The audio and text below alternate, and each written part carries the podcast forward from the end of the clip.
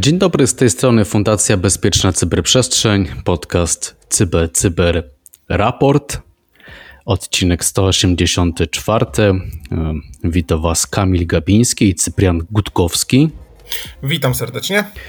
A dzisiejsze tematy naszego podcastu są następujące. Premier podpisał zarządzenie przedłużające okres obowiązywania drugiego stopnia alarmowego Brawo oraz trzeciego stopnia alarmowego CRP, Charlie CRP. Stany Zjednoczone ostrzegają przed nową kampanią grupy Lazarus. Właśnie wyciekło ponad 200 GB e-maili i plików z Gaz Region rosyjskiego. Pojawił się dekryptor do ransomware'a Yanlo One. Mapy Google odkryły wszystkie obiekty wojskowe w Rosji. Każdy może oglądać. Opcja wycisz wcale nie wycisza mikrofonów w popularnych aplikacjach telekonferencyjnych. Rosja rozpoczyna wojnę kosmiczną, chce zniszczyć Starlink Elona Muska. Citizen Lab identyfikuje nową podatność umożliwiającą instalację Pegasusa. Tak jest, przechodzimy do właśnie informacji, które przekazał przed chwilą Kamil. Pierwsza jest stricte mm, warta odnotowania, że został po raz kolejny przedłużony stopień CRP Charlie oraz drugi stopień alarmowy Bravo.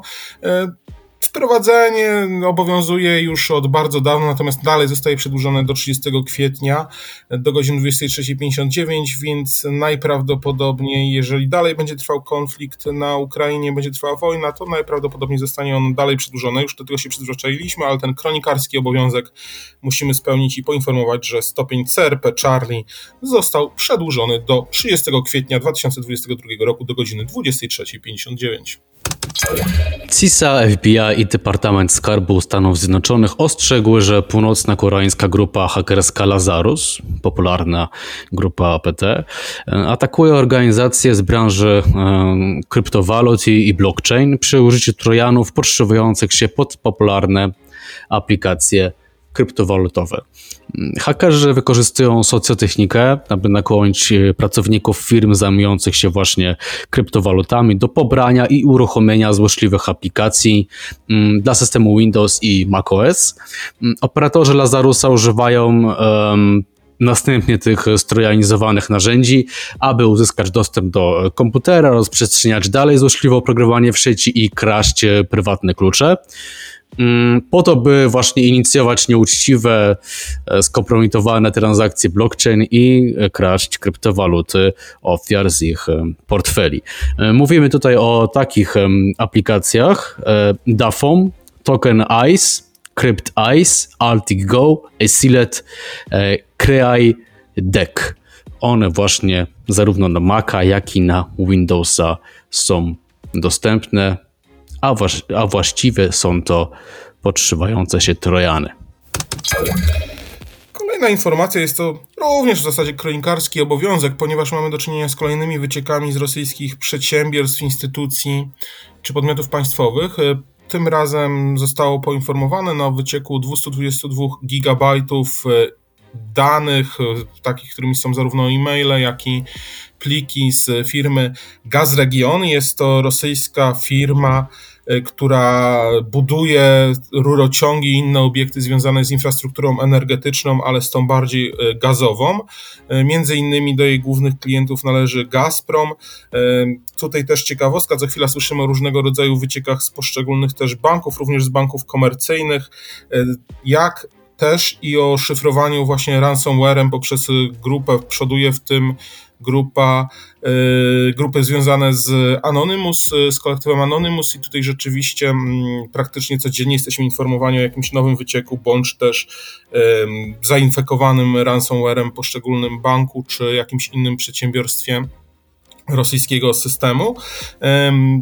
Co dalej z tym będzie? No nie wiem, tak naprawdę troszeczkę to już mi się wydaje też nie tyle może co nudne, ale no rzeczywiście niewiele sobie z tego Rosjanie robią. Czy ma to jakieś przełożenie?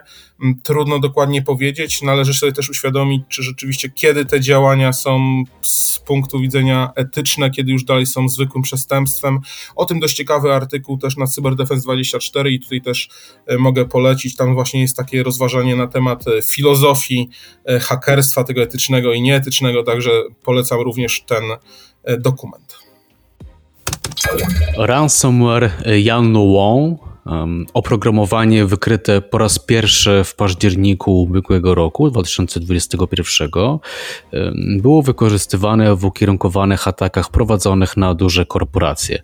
I co jakiś czas słyszymy o pewnych sukcesach odnośnie wymyślania czy tworzenia dekryptorów do popularnych kampanii ransomware'owych. Tutaj właśnie dla przypomnienia jeszcze ten właśnie um, Jan Luan po, po, po wdrożeniu, po implementacji tak, e, w sieci, po udanej kampanii, e, zatrzymywał maszyny wirtualne hypervisora, terminował wszystkie procesy i szyfrował e, pliki z rozszerzeniem o takiej samej nazwie. No i właśnie Kasperski ujawnił, że znalazł lukę w algorytmie szyfrowania ransomware One, która umożliwia odzyskanie zaszyfrowanych plików. E, firma już dodała do swojego narzędzia dekryptującego Ranno Decryptor obsługę odszyfrowania plików zablokowanych przez ransomware One, więc jeżeli spotkaliście się z tym zagrożeniem, um, to y, od teraz w zasadzie y, jest możliwe już odzyskanie tych plików.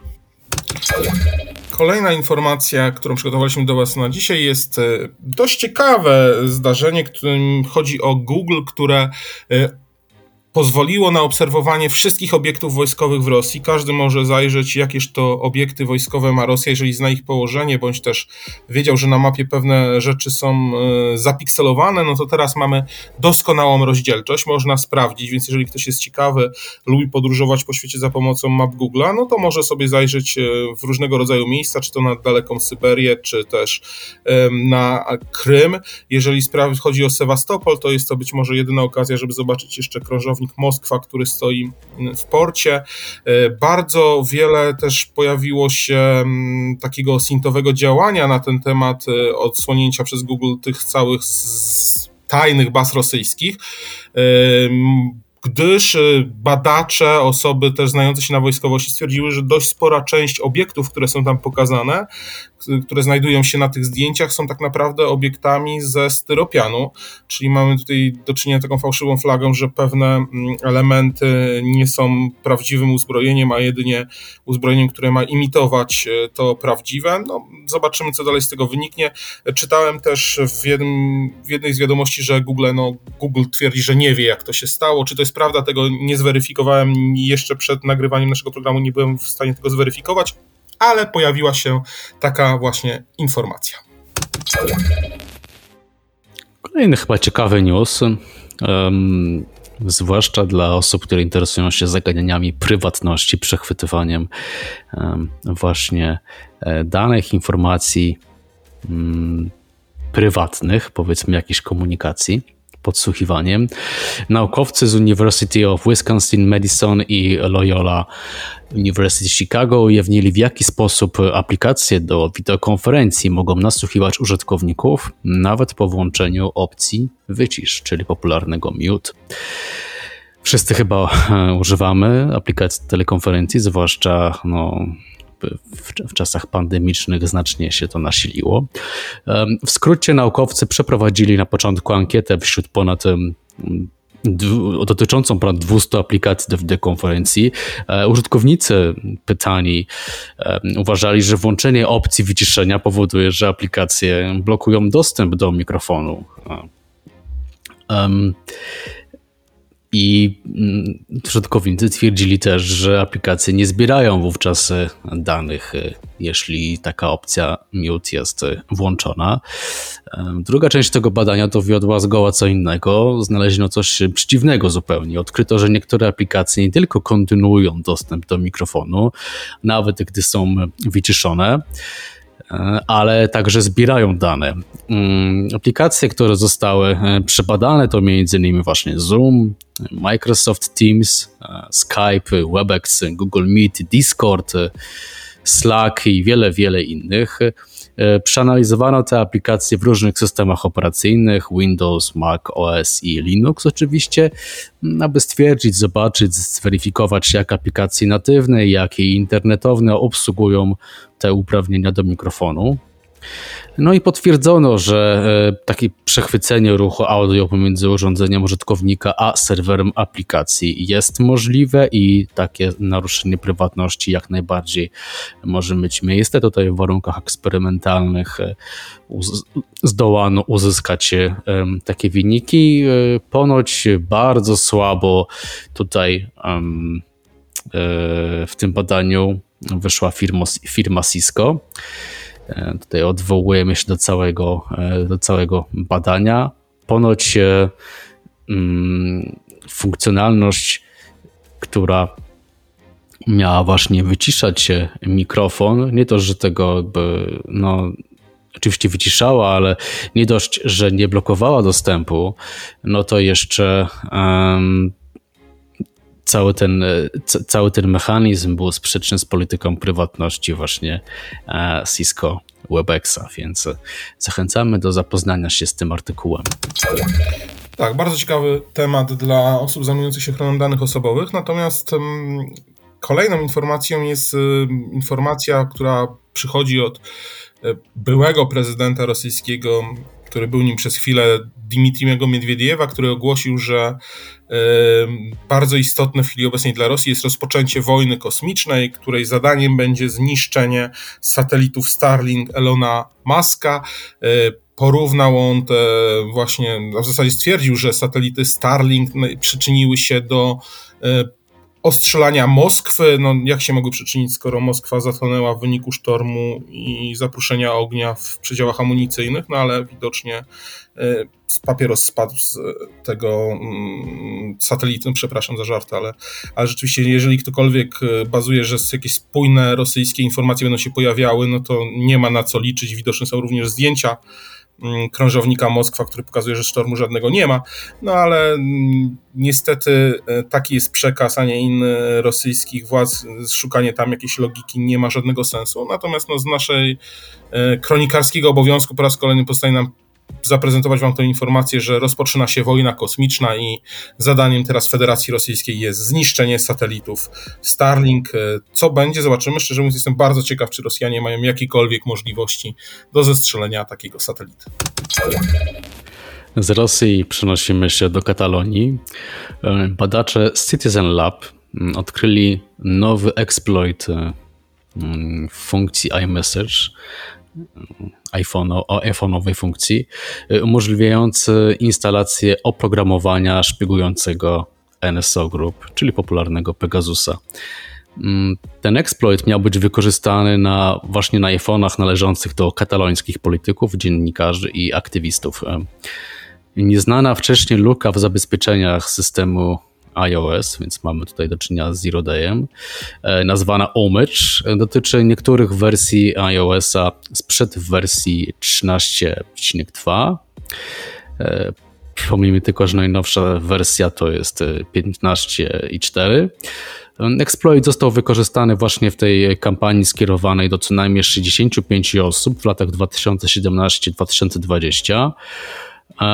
Wraz z innym exploitem, e, Kismet iMessage i jednym z błędów e, WhatsAppa.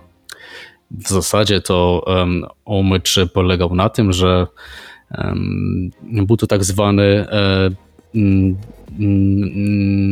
exploit, który nawet nie wymagał żadnej interakcji użytkownika, tak, żadnego kliknięcia. I jak twierdzi Citizen Lab, wśród ofiar tych ataków y, można wymienić katalońskich posłów do Parlamentu Europejskiego, każdego katalońskiego prezydenta po 2010 roku, a także prawników, dziennikarzy oraz członków organizacji pozarządowych i ich rodziny. I to była ostatnia e, wiadomość na dziś. E, przy mikrofonach relacje zdawali Kamil Gapiński i Cyprian Gutkowski. Dziękujemy bardzo. Dziękujemy i do usłyszenia w jutrzejszym odcinku. Pozdrawiamy, bądźcie Cyper bezpieczni.